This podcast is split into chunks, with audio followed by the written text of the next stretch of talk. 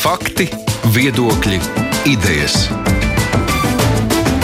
Raidījums Kruspunkta ar izpratni par būtisko. Studijā Mārija Ansone. Šī nedēļa bija smaga, tā nes skumju rekordu. Vakar pienāca ziņa par 64 cilvēkiem, kuri ir bijuši saslimuši ar covid un kuri tagad ir miruši. Situācijas nopietnību raksturo arī veselības ministrijas iecer par ārstniecības personu mobilizāciju, kam savukārt sekoja pieprasījums veselības ministra Daniela Pavļuta demisijai. Tikmēr ar vien tiek uzsvērts par nepieciešamību vakcinēties pēc iespējas lielam iedzīvotāju skaitam, tādēļ kontekstā ar to daudziem bija neizpratne, ka tiesnešiem un saimnes deputātiem nevarot piemērot prasību obligāti vakcinēties, lai gan šāds pienākums ir noteikts visiem valsts pārvaldē strādājošajiem. Par to visu šodien runāsim ar žurnālistiem. Kopā ar mums ir Evita Pūriņa no Rebaltika. Sveika, Evita! Labdien! Arī Ivo Butkevičs no TV3. Sveiks, Ivo! Labdien! Kolēģis Ķedārds Ķelzis no Latvijas radio pētnieciskā žurnālistikas nodaļas. Sveiks, Ķedārds! Labdien! Un mans pavisam kolēģis Aidis Tomsons no raidījuma Krustpunktā. Sveiks, Aidi! Pavisam sveika. Pavisam kolēģi, jā. Bet, nu, šie te mirstības rādītāji vakar bija, nu, tiešām milzīgs, nu, bēdīgs pārsteigums par to, cik daudz cilvēku ir miruši no Covid. Es, protams, Nezinu, kā tieši tiek veidot šī statistika, vai tur kaut kādas dienas nevar būt saliktas kopā. Tomēr nu, tā tendence, kas ir parādījusies pēdējā laikā, ir ļoti nepatīkama. Un uh, arī nu, tas lēciens jau arī bija sagaidāms tajā brīdī, ka pēkšņi saslimušo skaits aizgāja jau tur pie trījiem tūkstošiem. Bija skaidrs, ka ar divu nedēļu nobīdi arī mirstības rādītājs palielināsies, jo tie, tas viss ir saistīts un tur it kā nevajadzētu būt arī nekādam pārsteigumam. Bet nu, mēs redzam tagad nedēļa ir bijusi mājasēde, tā līkne nu, stāv uz vietas. Tur īpaši nav nekāda tāda milzīga svārstība. Nu, kopumā noskaņojums ir kāds jums vai nu, izdosies to salauzt un kaut kāds uzlabojums būs, vai pagaidām nu, mēs varam tikai zīlēt, kas būs. Evita, kāds tev ir noskaņojums? Nu, es domāju, ka noskaņojums jau visiem ir daudz maz līdzīgs. Nu, traki, vakar šoks ieraugot to skaitli. Lai gan nu, bijām jau brīdināti, protams, ka nekas labs nebūs un viss turpina iet augšā un ka būs daudz trakāk nekā pagājušajā gadā. Protams, ka tu ieraugi, ka tie ir 64 cilvēki, kas ir vienas dienas laikā, vai nu, vienalga cik dienu laikā, tā ir vairāk nekā viena Maksimas traģēdija, kas likās jau līdz šim Latvijā pats nu, ārprātīgākais, kas varētu notikt. Nu, nu, ko tur vispār piebilst? Protams. Ja, ja jautājums ir par to mājasēdi, nu, atkal jau nu, droši vien ir jātic tiem pašiem ekspertiem un jādomā. Nu, Mājasēdes tomēr pasaulē ir līdzējušas, protams, ne jau tur kaut ko izskaust vai nu, no Covid tikt vaļā, bet uh, kaut kādu ierobežot un slimnīcām kaut kādu atslodzi dot. Nu, es domāju, ka Latvija jau nebūs izņēmums. Es arī cerētu, ka cilvēki tomēr redz tos skaitļus, arī tie, kas varbūt līdz šim ir bijuši nu, gana bravūrīgi, tur, un, uh, ja ne gluži pandēmijas nav, bet nu, nu, tur, es nezinu, skolām jāstrādā vai vai tam līdzīgi. Nu, šai brīdī, acīm redzot, visiem tiešām ir jāsēž mājās un jāgaida, nu, lai mēs tiekam galā kaut kā ar to. Tajā pašā laikā. Jā, nē, es tādu īsti piebildu par to mājas sēdēšanu. Uh, uz ielām gan to nevar īsti pamanīt, ka cilvēki dikti sēdētu mājās, pat par spīti šausmīgajām degvielas cenām ir diezgan pilnas ielas, cilvēki kaut kur iet, viņi uz kaut kurien iet, viņi tāpat nepastaigājās. Tas nozīmē, ka varbūt visi nemaz tā nesēž mājās, kā varētu šķist. Aidi, piedod, es tev pārtraucu. Nē, nē, nē, nē es gribēju uz Evi tikai rēģēt par to ielām. Es gan vakar gāju uz raģionu, teicu, ka vecrīgi ir atkal tikpat izmirusi kā pirms pusotra gada. Tādā ziņā vecrīgi gan izstāsta tukšana, tāpēc, ka tur valsts iestādes, turisti vispārējie, tur mēs nemanām.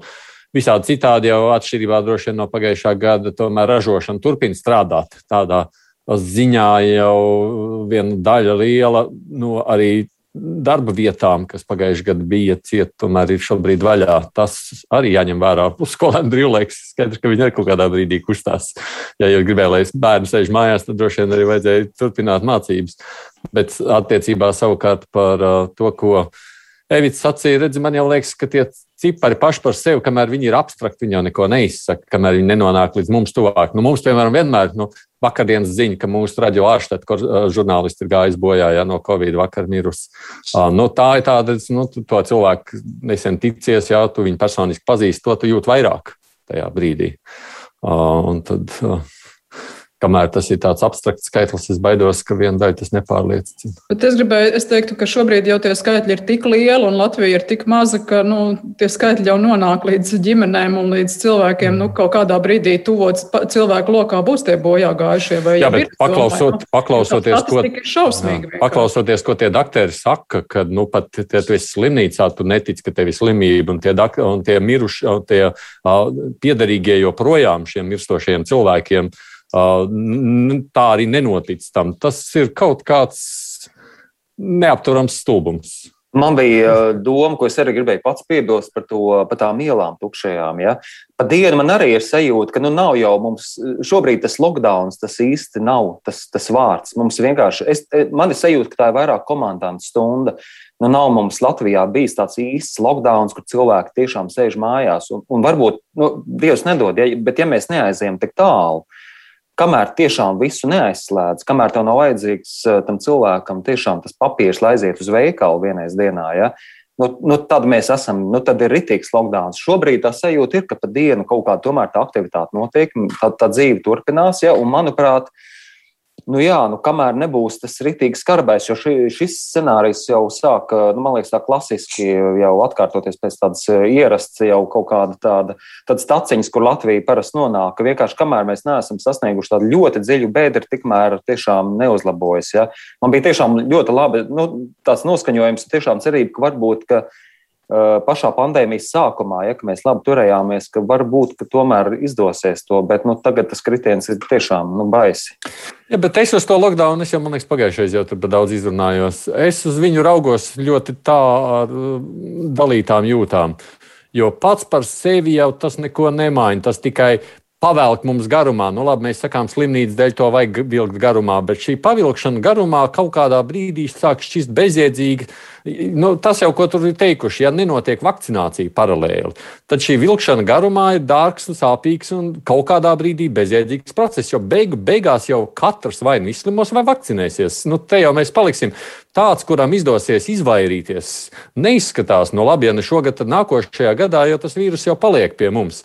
Līdz ar to es pat saprotu, no tādas dramatiskās skatu punkta būtu bijis tā, ja mēs beig beigās neko nedarām. Nu, mums ir krāks decembrī, bet janvārī jau nu, nu kā, vai nu ir apmiruši viena daļa, vai ir izslimojuši, vai vakcinējušies. Un tad dzīve griežas ātrākā, ātrākā sliedēs. Protams, tas skan ārkārtīgi no, nu, ciniski, un tā jau nevajadzētu tam būt. Bet šajā brīdī, kad vakcinācija ir pieejama, uh, Es pat nezinu, nu, teikt, kaut kāda izvēle starp cinismu un bērniem, kuri sēž joprojām mājās, un nu, tur atkal nevarēs mācīties, vai varēs mācīties. Tā ir tāda mūžīgā diskusija. Nu, es teiktu, nu, ja reizē nevar saprast, kurš upurs ir lielāks. Es tomēr uh, gribētu mazliet iebilst, es atvainojos, tāpēc, ka man liekas, nu, pilnīgi nevar teikt, ka tā ir bezjēdzīga tā mājasēde un tā un tā vilkšana garumā. Tā ir vilkšana garumā, protams, bet Tad, kad es lasu un redzu tos sižetus no Daugopils slimnīcas, kur ārsts vai slimnīcas vadītājs saka, ka tie cilvēki vispār netiek līdz slimnīcai, ka viņi tur ātrās palīdzības mašīnā mirst vai, vai uzgaidāmajā, nu, tajā pieņemšanā, kāds slimnīcās to sauc vai ne, uzņemšanā, vai ja vienā slimnīcā Rīgā mums ir garažā atvērts vietas, kur cilvēki, nu, kas tā ir par veselības aprūpu, protams, ka viņi nesaņem adekvātu, no, normālu veselības aprūpu, un tāpēc vien nu, mums ir tas jāstiepj gala, garumā, jo nu, nu, lai vismaz tie cilvēki, labi, viņi nav vakcinējušies, bet nu, mēs visi esam cilvēki un kaut kādai cilvēcīgai attieksmei ir jābūt. Nu, jā, nu, jā, bet tas, ko ģedārds teica, ka runa ir par to, ka, ka mums jau nav tāda nemaz īsta tā lockdown, mums ir tikai ierobežojumi. Ivo nav ticis pie vārda. Jā, viņam ir jā, ko nu, teikt, es redzu. Reflektējot to, kas izskanējis, jā. Skaidrs, ka vakardienas tas skaitlis izskatās gauži bēdīgs. Protams, tādai pilnai varbūt bildē gribētos jau, bet nu skaidrs, ka to nevar tādos tempos izdarīt tādu sīkāku dalību. Nu, kuram tiešām tas Covid inficēšanās bija letāla, kuram varbūt tas nu, tikai pastiprināja lietas, kas jau bija kaut kāds akūts skaits. Bet, nu, jā, tendence izskatās diezgan bēdīga. Un jāsaprot, ir vēl viena lieta, ka pat labāk tā īsti vērtēt lockdown ieviešanu vēl pāragri, jo mēs jau lielā mērā redzam tādu pagātnes fotografiju. Es pirms divām nedēļām šķiet biju, laikam pirms divām pusotras nedēļas biju apslimis, vajadzēja taisīt nu, kaut kādu rudens zarazu, teiksim, saķēru.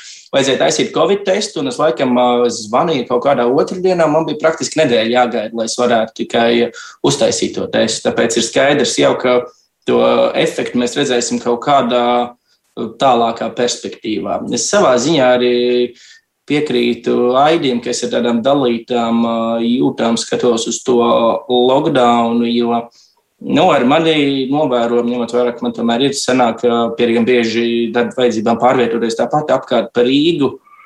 Nu, man nav pilns pārliecības, ka cilvēki tiešām ka viņiem vēl ir spēks ievērot kaut kādus ierobežojumus, ņemot vērā, cik ilgi, cik daudz, cik bieži arī cik dažādi īstenībā to mums ir bijuši. Man šķiet, ka nu, daudziem jau ir vienkārši nogurums, nolaidušās rokas, un nu, nu, nav vairs īsti ticības, ka pat ja mēs tagad šito izturēsim, piemēram, nu, līdz 15. novembrim, nu, ka beigās nesakos vēl kaut kas, ka beigās nebūs atkal kaut kādas kļūdas vai kaut kas tamlīdzīgs, kas paildzinās vēl šo procesu. Un tāpēc es domāju, ka kopējais noskaņojums sabiedrībā svārstās no tāda pietiekami bēdīga līdz pat varbūt samērā vienaldzīgam jau. Bet nu, kaut kādā brīdī taču bailēm ir jāieslēdzās. Bailēm, ka, pēk, nu, ka, ka vienkārši var netikt pie ārsta, ka, ka nevar slimnīcā gulēt. Nu, kaut kādam pašsaglabāšanās instinktam nav kaut kādā brīdī jāieslēdzās. Kam ir jānotiek, lai tas iedarbotos? Nu, tieši vakar es gribēju ja teikt, vakar nu, tās ielas bija tukšas. Nu, ir, ir cilvēki, kas reāli darbojas. Nu, nu, manuprāt, ja tā situācija ir tiešām tik šausmīgi slikta, un tas vakardienas skaitlis bija nu, tiešām nu, nu, ļoti nopietni. Ja?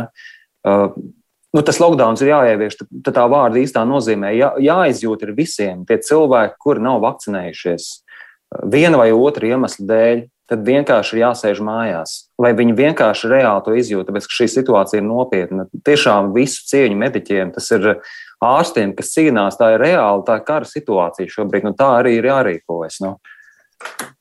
Aidi, tev neskan mikrofons.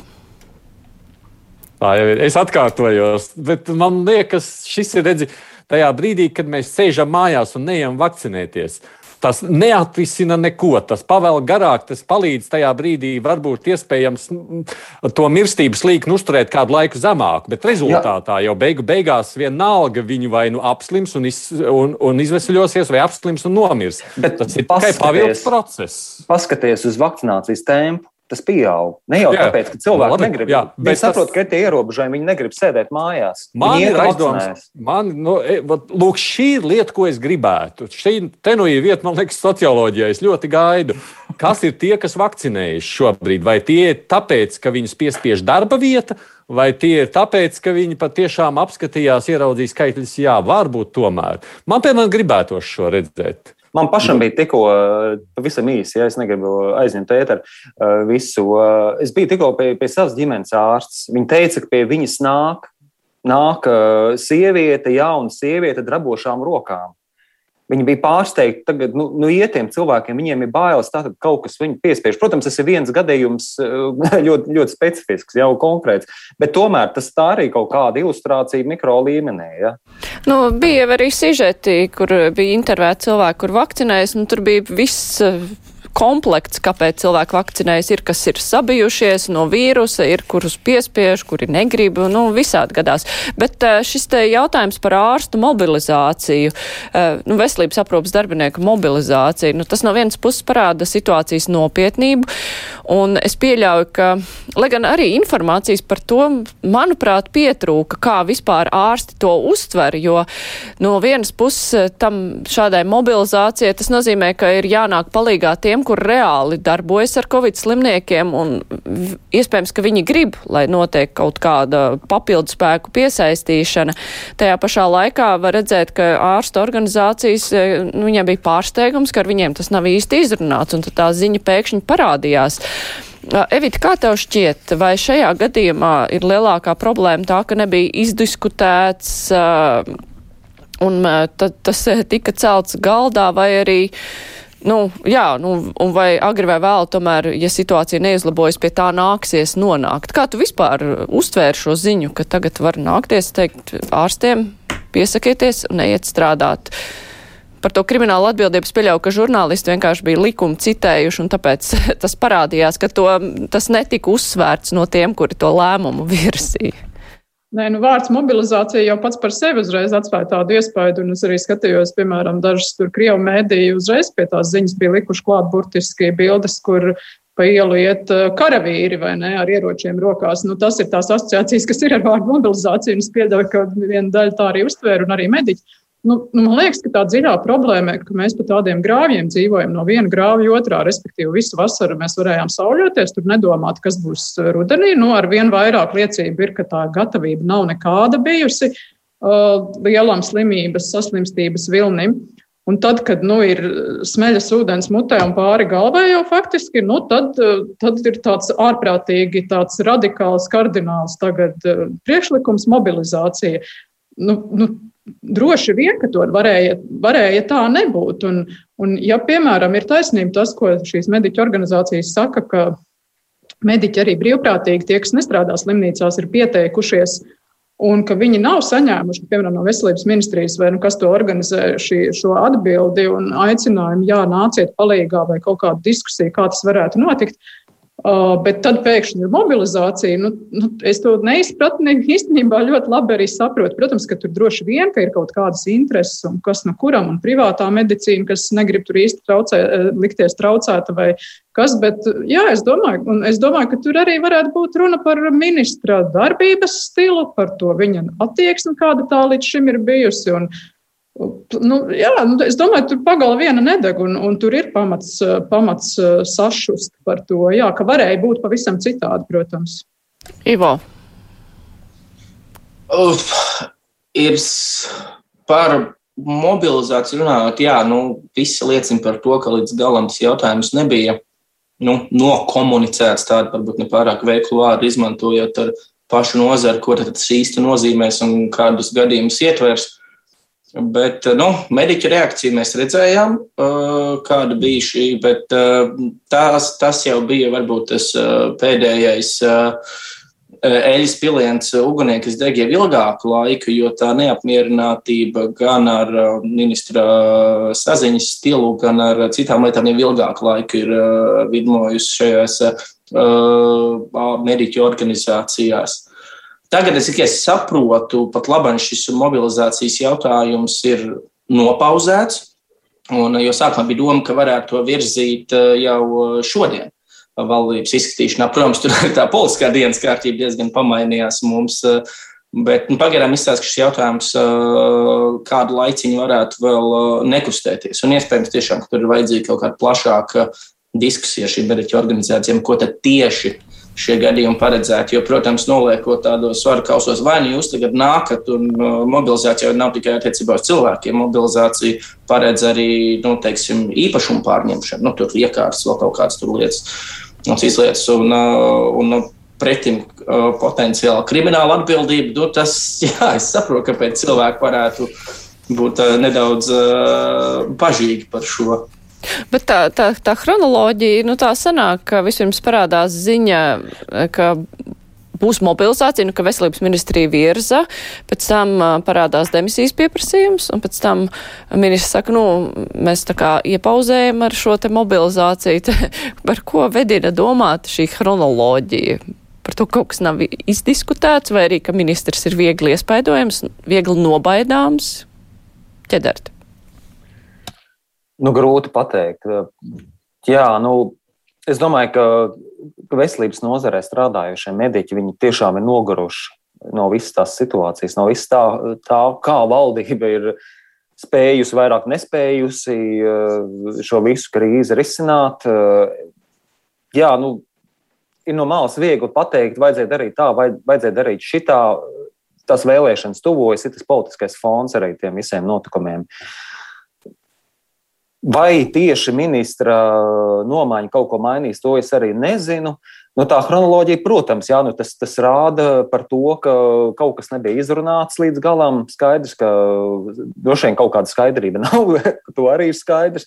Manuprāt, jā, nu, vislabāk būtu tomēr nonākt, izrunāt visus tos iespējamos punktus, un, un jo mobilizācija tiešām nu, man izklaus, izklausās jā, tāds ļoti, ļoti radikāls risinājums, kas varbūt vienā brīdī ir nepieciešams. Jautājums, vai šis ir tas brīdis? Jā, nu, tas, ir, tas ir jautājums droši vien arī mediķu organizācijām un, un, un ar veselības ministriju tiešām ir jāatrod visi tie kopējie saskars punkti un, un jāsaprot, kur ir kaut kādas iespējas, kur vēl ar vairāk kaut kādus resursus ieguldīt, un, un kur ir tas, tas krīzes punkts tiešām sasniedzis tāds, nonāca līdz tam punktam, ka jārīkojas šādi. Nu, uh, es, Aidi, Aidi, pirms es tev dodu vārdu, es vienkārši ieraudzīju tikko SPKC jaunākos datus. Ir reģistrēti 2758 inficētie jauni, 25 mirušie. Tā kā tās vakardienas statistikā droši vien, ka parādījās kaut kas, kas bija no citām dienām, es pieļauju.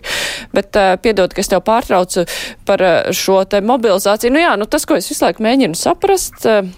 Un, nezinu, nu, protams, jums jau arī nav informācijas. Es tā, saprotu, ka tā mobilizācija jau nav vajadzīga pašam Pavļutam. Ne jau viņam vajadzīga ir doktora armija aiz durvīm. Tā būtu vajadzīga tiem mediķiem, kuri strādā ar covid pacientiem, lai viņiem ir kaut kāds atbalsts. Bet jautājums, kāpēc tas aizgāja, nu, kaut kādā tādā dīvainā komunikācijā, ka neviens par to īsti nezina, un tad jautājums, vai tad tiem pašiem mediķiem, kuri tur strādā, kāds prasīja, vai viņiem ir nepieciešama šāda veida papildspēki. Bet ir jāsaprot, ka mediķiem arī ir dažādi viedokļi. Tas ir ļoti normāli. Es personiski, ja es būtu mediķis, es būtu tajā cīniskākajā pusē.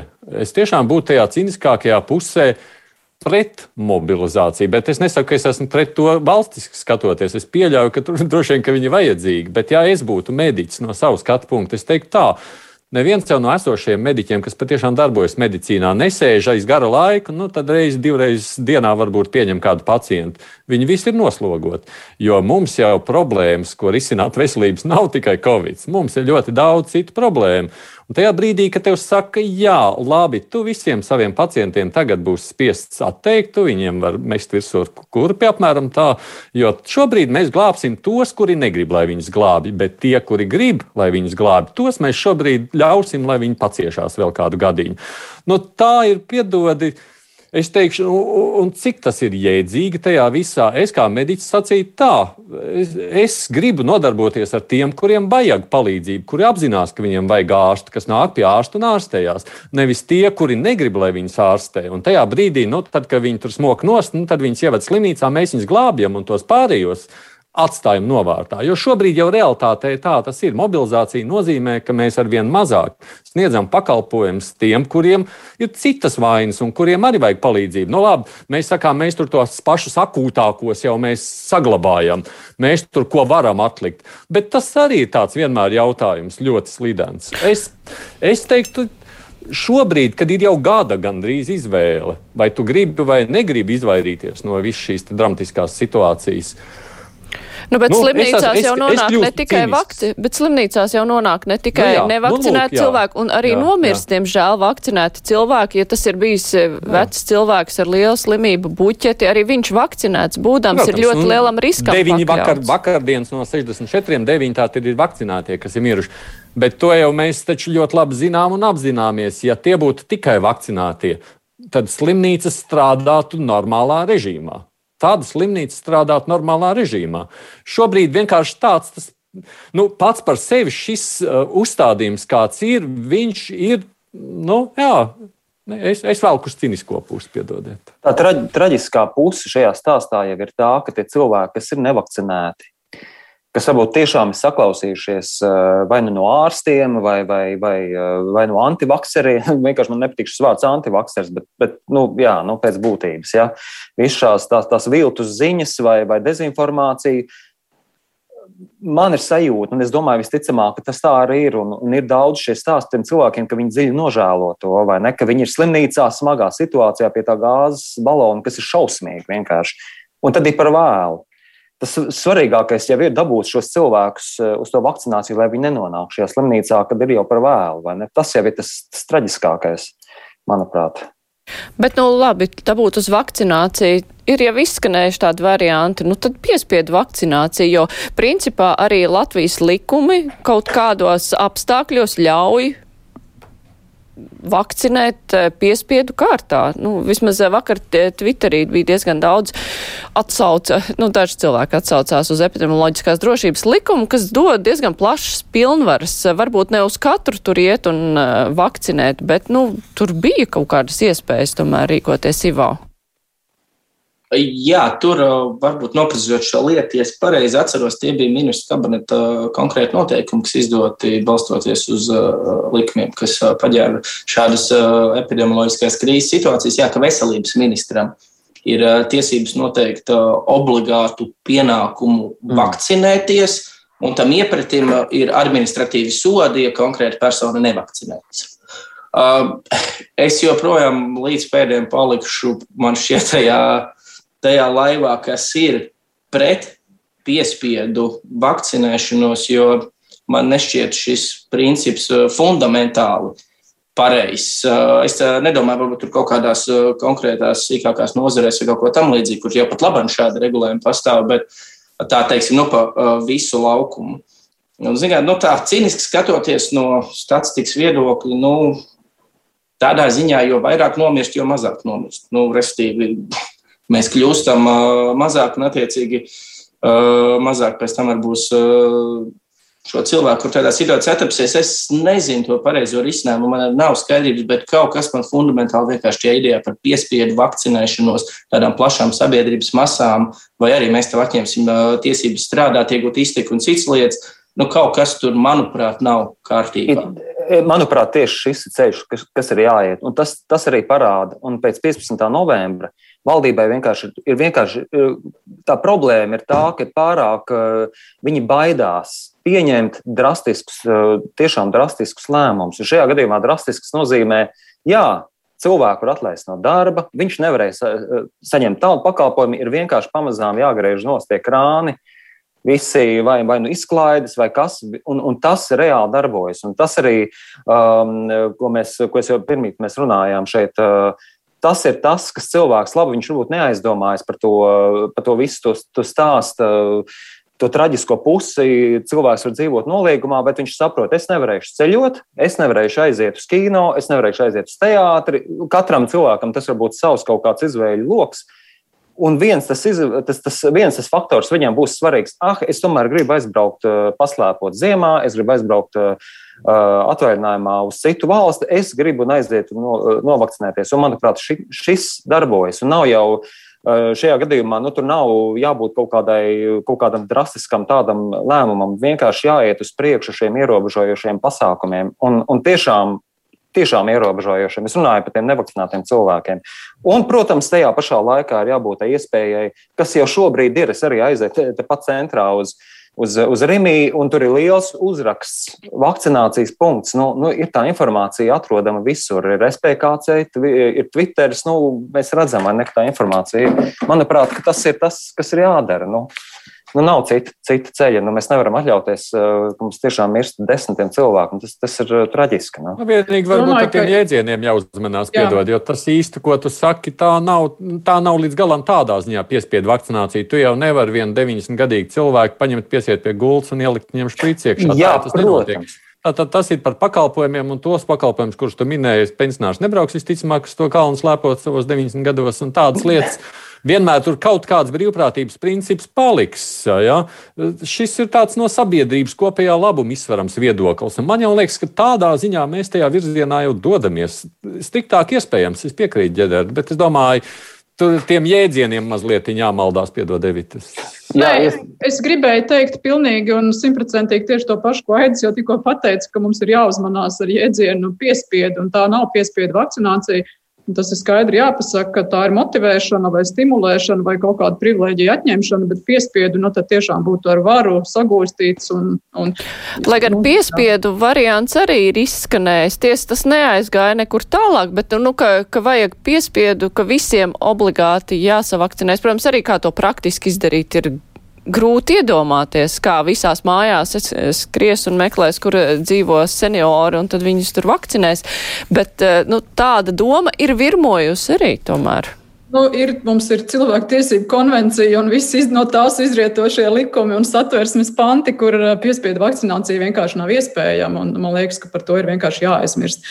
Tāpat kā vajadzētu aizmirst par to, kas tomēr ir aizgājis līdz, saprotu, jau saimai vai vēl kaut kādām augstākām vietām, ka medicīnisko palīdzību tur saņemtu bez maksas tikai tie, kas ir Mm, vakcinējušies, un pārējiem tikai pret rēķinu. Nu, ir kaut kādas cilvēktiesību normas, kur mēs tomēr civilizētā sabiedrībā dzīvojam. Un, nu, Tur Protams, jā, es arī biju domājis vairāk tādiem motivējošiem pasākumiem, bet, nu, piemēram, nu, ir problēma ar, ar šiem pensionāriem. Jā, labi, viens stāsts droši vien par vientuļajiem pensionāriem, kur tiešām nu, viņiem ir tā situācija tāda, kā tā ir, un tur būtu svarīgi tiešām viņus uzrunāt un, un pēc iespējas aizbraukt viņus uz vietas, savakcinēt. Ja?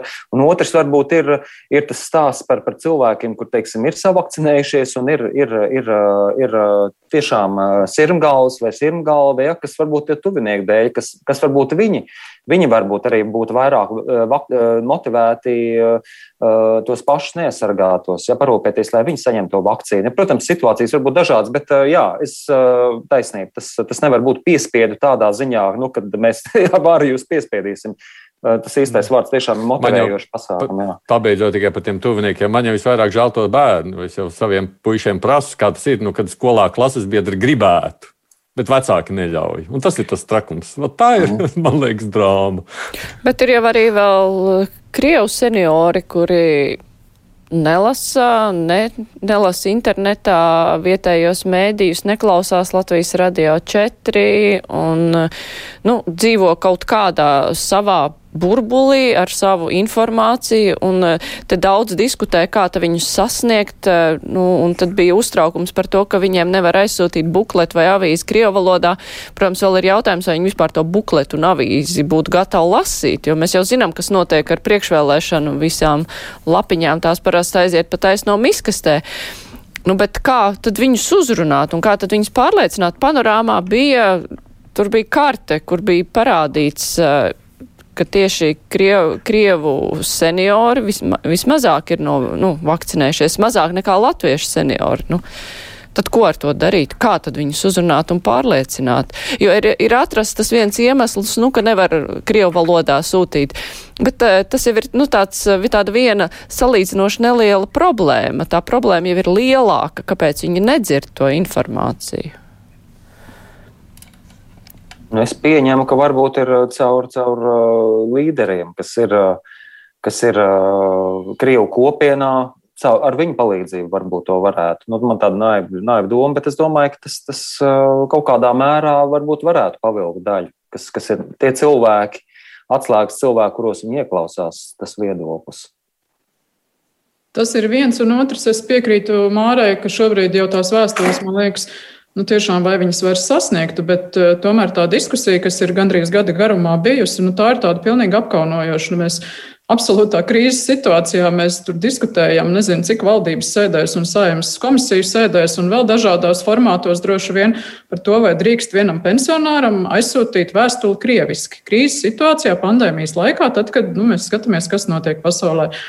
Man tas liekas jau tāds attieksmes jautājums, un ja tā attieksme ir šajā gadījumā tāda, un arī citos gadījumos tāda, nu, tad tur jau arī ir tā vaina jāmeklē, kāpēc varbūt viena daļa nu, ir norobežojusies un, un neuztver sevi kā integrētu Latvijas pilsoni vai nepilsoni, nu, ka viņš neasociē sevi ar šo valsti un ar šiem lēmumu pieņēmējiem, un, un tur tās problēmas ir. Bet nu, skaidrs, ka to problēmu nevar sasmelt eh, vairs ne jau ne ar vienu vēstuli vai ar kaut kādiem pēkšņiem lēmumiem. Nu, mm, Jā, es, es atbildu, kā to izdarīt. Es nevaru, nezinu, protams, ka nu, tur droši vien ir runa par viedokļu līderiem un tiem, kas eh, klausītos. Un, un ģimenes ārstiem droši vien, vai ne? Bet mēs arī vakar sižetā redzējām no no Latvijas neatceros, kuras uh, vietas, kur nu, arī tur tā attieksme ir tāda pret to potēšanos, kāda ir. Mm -hmm, Jā, ārā pats vakcinējies, nesmu vai ne, un tā tālāk. Mm -hmm.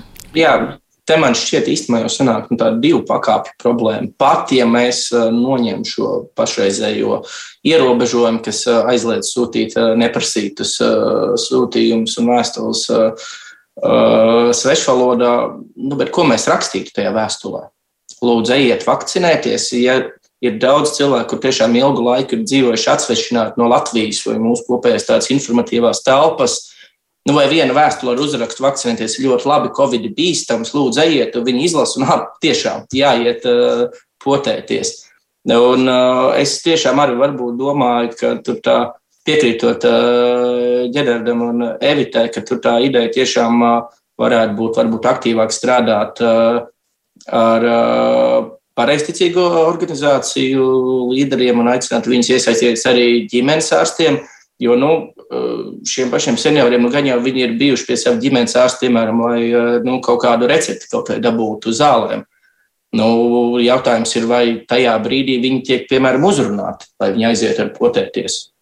Patiesībā, jā, tas, ko Ivo teica, tieši parasti šie pensionāri ir visbiežāk šķiet pie tiem saviem ģimenes ārstiem, un viņu, ar viņiem varētu tieši runāt. Paga, bet man ir jāatgādina klausītājiem un televīzijas skatītājiem, ka šodien mēs esam kopā ar žurnālistiem Evītu Puriņu no Rebaltika, Ivo Butkeviču no TV3, Ģedartu Ģēls no Latvijas radio un Aita Tomson arī no Latvijas radio kruspunktā. Raidījums Krustpunktā. Vēl mazliet par to vakcināciju runājot, eh, tas, ka parādījās eh, ziņa, nu, ziņa fakts tāds, ka tiesnešus nevar piespiest vakcinēties, respektīvi viņus nevar atlaist no darba, tāpēc, ka viņi nav vakcinēti. Ah, tāpat arī saimas deputātus. Nu, šajā gadījumā, ah, protams, likumu pārkāpt nevar, un tiesneša neatkarība ir tiesneša neatkarība. Bet no tiesneša puses, nu, kādai reakcijai vajadzētu sekot šajā situācijā?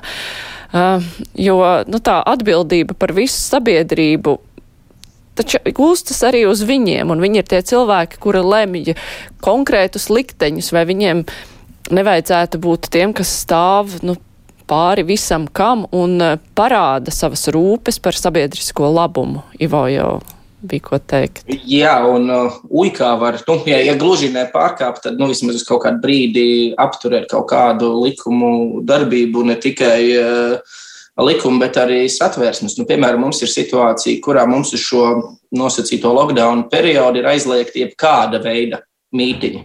Atcerieties, varbūt agrāk, iepriekšējos striktajos ierobežojumos bija tur līdz 10, līdz 20 cilvēkiem izretināt vai kaut kas tamlīdzīgs. Tieši šajā brīdī mums ir aizliegti jebkāda veida, nu, kas ir ar konstitucionālu pamatbrīvību. Nu, mēs redzam, ka tā tad var. Un tad, es, tad man ir grūti saprast, kā šajā pašā situācijā mēs varam runāt, jā, jā, bet nu, varas dalīšana un tiesneši šajā brīdī ir neatkarīgi. Nu, man tad ir, ja mēs nu, ņemam vienu situāciju, tad man ir grūti saprast, kā mēs otrā varam uzskatīt, ka to nevar attiecināt, piemēram, uz citiem varas atzariem. Es drīzāk par to atstādināšanu domāju. Es neesmu speciālists uzreiz saku, es izsaku ļoti subjektīvu žurnālistisku skatu punktu, par kurus neesmu drošs. Ah, jā, piebildēt no manis arī, ka tas ir tieši tāpat. Ne, jā. es neesmu ne konstitucionāla tiesība eksperts. Jo realtātē mēs jau arī, nav jau runa arī šobrīd par atlaišanu skolās vai uh, medicīnas iestādēs, runa viņi par darba atstādināšanu bez darba algas saglabāšanas. Tas, tas princips šobrīd darbojās. Un, uh, Tiesnešus taču arī man šķiet, ka tiesas vadītājs var atstādināt no lietu lemšanas un tiesu nodošanas citiem. Nu, proti, vai tur tiek pārkāpta šī tiesa. Es esmu par to, ka tiesu neatkarība ir jāsaglabā jebkurā situācijā. Man pašam šķiet tas svarīgs aspekts. Tajā pašā laikā pilnīgi piekrītot, ka nevar būt tā, ka tiesneši ir pāri par visiem pārējiem. Līdz ar to man liekas, ka šim principam būtu jāspēj tikt īstenotam arī tiesu sistēmā, atstādināts. Jā, es piekrītu, slodzes lielāks kādai tiesas daļai varētu būt, jā, kādas lietas atliekas, nu, bet nu, mēs jau redzam, ka šobrīd ļoti daudz kas atliekas un pagarinās un nenotiek vairs pandēmijas dēļ. Man liktos tas leģitīms iemesls, lai šādi rīkotos, bet es saku, es neesmu pilnīgi drošs, vai tas ir pareizi. Es piekrītu, es pilnīgi piekrītu Aidim. Es arī domāju, ka tas neatkarības uh, faktors tomēr ir ļoti būtisks, un tas attiecas arī uz saimnes deputātiem. Es domāju, ka tas attiecas arī uz pašvaldību deputātiem, jo viņi tieši tāpat ir ievēlēti no tautas. Tauta ir mums ļoti dažāda. Vakcinējas, nevakcinējas un uzskata par genocīdu vienu daļu. Un es domāju, ka arī tie deputāti ir dažādi. Mēs diez vai varam ar likumu pateikt, ka viņiem visiem tagad ir tas un tas jādara. Bet kaut kādu epidemioloģisko prasību dēļ nedrošā situācijā neļaut viņiem tur klātienē strādāt, vai nu, tāpēc, ka tas ir, nu, tas, tas ir bīstami, vai ne? Ja, mēs, nu, ja tas tiek tā atzīts. Nu, tas, ir, tas ir viens veids. Un man arī liekas, vai tā diskusija šobrīd, es nezinu, cik Latvijā ir tiesneši, godīgi sakot, vai viņi ir tik daudz. Vai tā diskusija par to, ka nu, mums viņi visi jāpiespiež eh, vakcinēties, vai tas ir tā vērts, vai tam netiek atkal tērēts par daudz eh, laika un enerģijas, vai ne?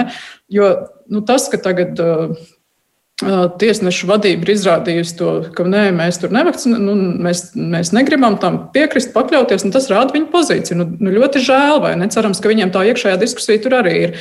Bet vai mums tagad ir jātērē laiks un kaut kādos juridiskos nenormālos strīdos, kā nu to, nu, vai, vai, vai nu viņiem jāpakļaujas vai nē, nu, es nezinu, vai tas tiešām ir tā vērts. Jā, nu, manuprāt, no pašu tiesnešu, no pašu, pašas vadības ir jābūt ir jābūt uh, tam aicinājumam, ka tas ir svarīgi. No pašu ties, tiesnešu vidus viņiem ir jārāda tas piemērs, viņam jābūt morālajam kompasam. Es domāju, ka tai diskusijai droši vien vairāk vajadzētu būt nevis par tādu juridisko pusi, vai var vai nevar atstādināt. Protams, ka tas ir tāds jautājums, kāds tas ir, un tas ir droši vien likumiski arī sarežģīti. Bet jautājums, vai par to vispār būtu jādiskutē, vienkārši viņiem, viņi tiešām, ja, Viņi lemj par cilvēku dzīvībām, un, protams, ir saimnes deputāti, bet manā skatījumā, ja manuprāt, nu, tomēr īsti vienos svaru kausos nevar likt saimnes deputātus, vai ne? Tur, tur, protams, ir savi politiskie procesi notiek, ja, un, un ir saimnes tribīna.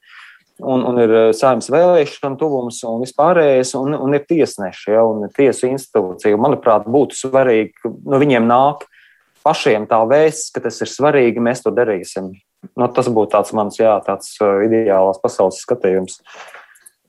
Jā, bet viena lieta, ka mēs arī pārlecām pāri, kur varētu runāt arī tās mobilizācijas ārstu kontekstā, bija šim paziņojumam par mobilizāciju īsi pēc tam sekoja demisijas pieprasījums veselības ministram. Turklāt to izteica ne tikai ārstbiedrība, bet uh, tur vēl bija mediķu organizācijas. Šis brīdis ir tas, kad vajadzētu mainīt veselības ministru vai nē? Es, ja drīkst, man šeit, šīs sarunas laikā nāca prātā, ka man tā situācija atgādina tas, kas notika izglītības nozarē pirms kāda gada. Bija pedagoģu organizācijas, kuras ļoti ilgstoši izrādīja neapmierinātību ar iepriekšējo izglītības ministru Šuplīnsku. Un tas viņas stils arī bija tāds, eh, nu, teiksim, tā nepārāk maigs un skarbs, un viņa varēja plaši izrunāties un nepārāk ne jaukos vārdos. Un, un viņai bija tā pozīcija, ka tikai viņai ir taisnība visos jautājumos.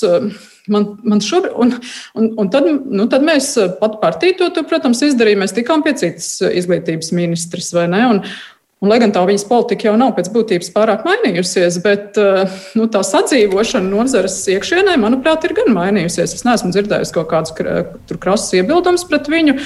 Un arī valdībā man šķiet, ka viņi ar valdības partneriem spēja labāk sarunāties. Tā kā principā ministra maiņa šo to var atrisināt. Vai šis ir īstais brīdis? Bet, bet varbūt kāpēc arī ne? Vai mums veselības ministrijā vai mums parlamentā nav speciālisti, kas to varētu šobrīd darīt? Es domāju, ka varbūt arī ir. Bet tas ir pilnībā abstrahējoties no kaut kādām tur tajām politiskām spēlēm, partijiskām vai potenciāls valdības krišanas. Tas ir tikai par konkrēto ministru, ko es varētu teikt. Redz, tur bija mazliet cita situācija tādā ziņā, ka, protams, Šuplīnska nebija jaunās konservatīvās partijas līderi. Viņa Arī bija, tiesa, vai ne? Šajā reizē Pavļots ir partijas vadītājs. Patīk mums vai nē, un šis ir, man liekas, politisko ambīciju jautājums. Un es, es, es vienīgais redzētu to, ja partija spētu pati apzinoties šo situāciju, nu, ka tā ir grūti strādāt. Nu, tā patiešām ir grūti tagad strādāt, ka tev visi, tava nozare ir pret tevi. Vai tas nozīmē, ka obligāti tas ir tavs politiskās nu, karjeras noriets? Nu, taču nē, ja tu pats laicīgi atkāpies un saki, jā, valsts labad. Uzskatu, ka šobrīd būtu varbūt, lai viss norimtos. Es, es atkāpjos no ministra amata un redzu, mums ir cilvēks, kurš ir gatavs darīt vēl labāk par mani. Es personīgi tu, kā, teiktu, Es, ne, es, es to novērtētu. Jā, man, manuprāt, arī tā, ja, ja tas nenozīmē valdības krišanu, tas nāk no pašas partijas iekšienes, es domāju, noteikti. Un, ja tas tiešām iedod dod sajūtu mediķiem un, un nozarei, uh, uh, iedod tā kā tādu indēvi, ka viņi var sākt ar, ar jaunu spāru, risināt lietas, es domāju, kāpēc ne? Ja tas nenozīmē valdības krišanu, protams, jā. Ivo. Uh, jā, cik es esmu dzirdējis, uh, tā teikt, kuluāru sarunās, uh, bet nu, tās, tas vien ir tāds kuluāru sarunas, ka tāds piedāvājums ir izteikts pēc visiem šiem notikumiem veselības ministram, nu, pašam demisionēt, nevis uh, uh, gaidīt, kad uh, varbūt viņa demisiju pieprasīs. Un, nu, cik es saprotu, esam tur, kur esam pat labi. Es gan gribētu tomēr paskatīties varbūt kaut kādā veidā uz to valdības darbu kopumā, ne tikai veselības ministrs, jo nu, tomēr ministrs kabinets atbild solidāri par šīm lietām. Un, nu, tā situācija ir nu, diezgan dramatiska. Es vakar paliku kaut kādas tādas, nezinu, tēzes uz uh, papīra lapas, kas mums ir notikušas pēdējo nedēļu laikā. Mums šie akadēmiskie eksperti ir atsvešinājušies no valdības darba. Mums ir uzņēmēja organizācijas, kuras atkal runā, ka pēdējā brīdī kaut kādi lēmumi tiek pieņemti Vakar vakarā paskatījos to kopējo pasaules statistiku par pēdējām septiņām dienām. Mēs esam pirmajā vietā pasaulē pēc infekcijas uh, izplatības tempa. Nu, pirmā vieta pasaulē izklausās pietiekami iespaidīgi, jo tiešām pasaulē, nevis pat Eiropas Savienībā, vakcinācijas viena no zemākajiem. Tagad mums tas lockdown ir, kurš izmaksās nu, kaut kādi savi 200 miljoni eiro. Tās aplēses ir, bet budžetam nevis kopējai ekonomikai. Uh, Nu, es gribētu teikt, no kad tad, ja ne tagad, runāt par to, vai valdība tiek galā ar šo darbu vispār. Ir, protams, situācija, un tur tālāk ir viss šīs politiskais uh, apakštons tam visam, kā, kas nāk vietā un uh, kā tas viss tālāk var funkcionēt. Bet, nu, ir skaidrs, ka nepieciešams ir kaut kāds kritisks valdības darbības izvērtējums, un nu, tas apstākļu kopums nav diezgan pateicīgs pat labi, lai varētu teikt, ka valdībai nu, tur viss, teiksim, pietiktu ar vienu veselības ministru, un tam mums ir, nezinu, piena upes ķīsēt krastos. Bet, nu, Jā, tā, bet, bet iedomājies to saki. situāciju, ka tas, ko Aida scenārijs, ka viņš iezīmēja ministrs tā mierīgi pats atkāpjas, nāk vietā, tas viss notiek bez satricinājumiem. Bet iedomājies, pēkšņi, ja Kariņš pasaka, es saprotu, ka viss ir bijis tā diezgan slikti, un tagad es atkāpjos, un tagad mēs mainām visu to komplektu. Kas sāktos? Kā vispār nu, redzi, to? Es vēl teiktu tā, ja arī to darītu viens pats kariņš. Sakot, ka tie pārējie liela daļa paliek turpat, un tad tur maina tikai premjeru. Arī tur es neredzētu vēl to drāmu. Tā drāma jau ir tāda, ko tu Ivo saki, nu, kad mēs sak, secinām, jā, zirgs pajūg nevelk. Mēs viņu ņemam nost, bet cita zirga jau nav, kas velk, un tad pajūgs vienkārši stāv uz vietas. Tur jau ir tā, līdz ar to tu to zirgu nevari ņemt nost, kamēr nav tev skaidra alternatīva, ka tev ir viens cits zirgs vietā, kurš tur to pajūgu vilks tālāk labāk nekā šis vecais zirgs. Tāpēc uh, es teiktu, ja nav šīs alternatīvas, valdība nedrīkst gāzt šajā brīdī, jo tad ir, tad ir tad ir vēl lielāki sūkļi. Mm, mm. Es Aidim piekrītu tiem, kas nu, ir diezgan, nu, tiešām mums pat labi nevajadzētu situāciju, ka mums krīt valdība un sākas mēnesi ilgas politiskās konsultācijas par to, kā mēs te varētu nākt ko vietā. Es runāju par tādu principu, ja, piemēram, pašu koalīcijas iekšienē, kaut arī saglabājot šo pašu koalīciju, tiek secināts, ka varbūt mums vienkārši vajag kaut vai pēc būtības jaunas sejas tur un vienkārši uztaisīt kaut kādu kārtējo rokādi, tad tas varbūt ir tas, kas var kaut kādā veidā Bet tu domā, uh, ka, ka gadu pirms vēlēšanām bet, ir iespējams koalīcijai tā vienkārši nākt kopā? vienkārši nav nekas. nav iespējams. vienkārši galīgi nav. Nav iespējams arī tāpēc, ka šīs attiecības partiju vidū šobrīd ne tuvu nav tādas, ka viņi varētu tā mierīgi sasēsties un Latvijas valsts labā, nu tad, nu, nu kā mēs tagad tur dažus cilvēkus nomainīsim vai visus cilvēkus? Nē, tas nav iespējams. Es domāju, ka šobrīd tam karam izējot cauri, es nezinu, cik mēnešus tas vēl vilksies, ir jā, jāpatur tas komplekss tāds, kāds ir, sakos tiem zobiem, bet nu, cerams, ka cilvēkiem arī tomēr ir tā apziņa, ka viņiem ir jāstrādā šobrīd valsts labā vai ne. Un tad, kad nu, tas ir garām, jā, nu, bet tad jau arī vēlēšanas būs klāt, un tad cilvēki varēs vērtēt, nu, nu, kurš ko ir darījis. Es ceru, ka arī žurnālisti vērtēs, un es ceru, ka arī tās pašas partijas tomēr vērtēs, nu, kādas kļūdas ir pieļautas. Un vismaz tas tā ir izskanējis gan no premjera, gan no Pāvļota, ka nu, viņi tai vērtēšanai ir gatavi, bet ne šobrīd. Un, manuprāt, tas gandrīz vai būtu arī pareizi. Jā. Nu, jā, bet šobrīd arī ir šis laiks. Un, un es domāju, nu, manuprāt, neviens arī uh, tagad ļoti kritiski neskatās uz Viņķeli par to, ka viņa pamet, viņai nācās pamest to amatu. Ja? Nu, tas vienkārši tas ir tāds laiks. Nu, nu, vienkārši tam cilvēkam, kurš ir tajā veselības ministra amatā, viņam jāpieņem. Nu, nu, arī citās Jā, pasaules valstīs. Ne? Nezinu, nu, ja Viņķele būtu aizgājusi pati, viņai Protams. būtu bijis krietni vienkāršāk nākošajās Jā. vēlēšanās. Šajā brīdī, kad premjerministrs viņu lika aiziet, uh, tas tomēr atstās, es paredzu, iespaidu arī nākošajās vēlēšanās. Tāpēc es vēlreiz saku, nav slikti, ja tu vari pats kaut kā uz lietu paskatoties ar vēstu prātu. Jā. Bet vai Daniels Pavļots ir tas cilvēks, kurš varētu saņemties un tā izdarīt kaut kādas lietas labā? Vai tiešām jo, jo viņam ir arī, jo Jā. viņam jau arī ir, nu, ar to viņš pateiktu, es esmu strādājis slikti, slikti. ko varbūt nu, viņam negribās teikt. Vai varbūt tas vienmēr ir tā? Vai tas vienmēr ir tā? Lūk, šī ir tā lielā problēma. Šis ir tas iemesls, kāpēc mums ļoti daudz kas Latvijā politiski vienmēr ir buksējis. Jo, ja es kaut kur uzņemšos kaut kādu atbildību vai kaut kādu tādu soli spēršu, Tādu visticamāk cilvēks sapratīs, ka es izrādās, esmu bijis nederīgs, un tad vispār ar mani karjeru beigas. Lūk, tieši šis, vai tu nevari jebkuru defektu pārvērst par efektu. Un man liekas, ka politikā ar sabiedriskām attiecībām var diezgan labi spēlēties un ar pūļu apziņu. Jebkuru defektu var pārvērst par efektu. Uh, tikai, protams, to vajag darīt gudri. Es Nu, labi, viss piedod. Es piekrītu šajā gadījumā Aidim, ka nu, ne man dod komunikācijas padomus, varbūt uh, ministriem, bet nu, jautājums jau ir par to, kā tu beig, beigās to iepako. Ja tu pasaki, es redzu, ka esmu sasniedzis kaut kādu strupceļu, protams, kaut kādas komunikācijas kļūdas no manas puses ir bijušas šajā saspringtajā laikā, bet es redzu, ka nu, būs labāk bez manis, un es redzu, ka šis process varētu virzīties. Es turpināšu atbilst, atbalstīt šo visu procesu no sājumas, kurā man ir vieta. Tad, nu, viss ir jautājums par iepukošanu šajā situācijā. Bet šajā pašā piebilst. partijā taču arī ir piemērs Juris Pūce, kurš aizgāja no amata, it kā dod tādu apvītu skandālu, ka tur vispār liekas, ka. Pff, Es nezinu, kam tur. Un tagad viņš mierīgi. Mierīgi vada saimas frakciju. Un viss ir tā kā kārtībā. Ja mēs skatāmies, kas notiek pēc, pēc Maksimas traģēdijas, labi, mēs nevaram likt šos tiešām arī vienā, vienā katlā, protams. Bet toreiz Pavļots neatkāpās. Nu, un, un, un tur arī bija tā politiskā ambīcija, un, un, un to sitienu nācās uzņemt uh, toreiz valdības vadītājiem. Ja?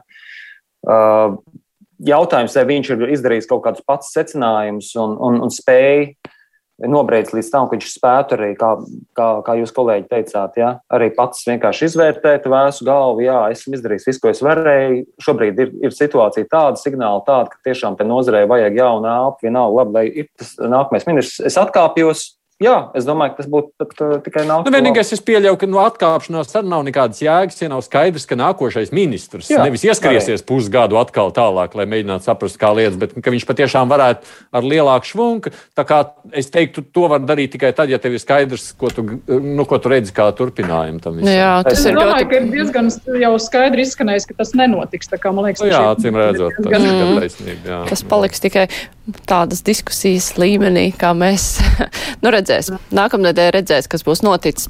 Mums arī laiks ir tagad beidzies. Es saku paldies Aidis Tomsons, Ģedards Ķēlzis, Ivo Butkevičs un Evita Puriņš šodien bija kopā ar mums. Pirmdien kruspunktā mēs arī runāsim par um, veselības aprūpi, nu, kā mums šodien jau šī saruna lielākoties par to arī bija. Jo pirmdien būs lielā intervija un uh, man būs saruna ar Latvijas māsu asociācijas viceprezidentu Ilzu Ortveinu. Un tur, protams, būs jārunā gan par darba apstākļiem, par mediķu algām un nu, visām lietām, kuras šobrīd ir ļoti aktuāls veselības aprūpēm. Tā kā tā būs mūsu pirmdienas sarunā. Savukārt raidījums šodien ar to arī izskan. Producente ir Evija Unāma, studijā bija Māra Jansone, un, kā jau teicu, mēs tiekamies arī pirmdien. Visu labu un jauku nedēļas nogalu!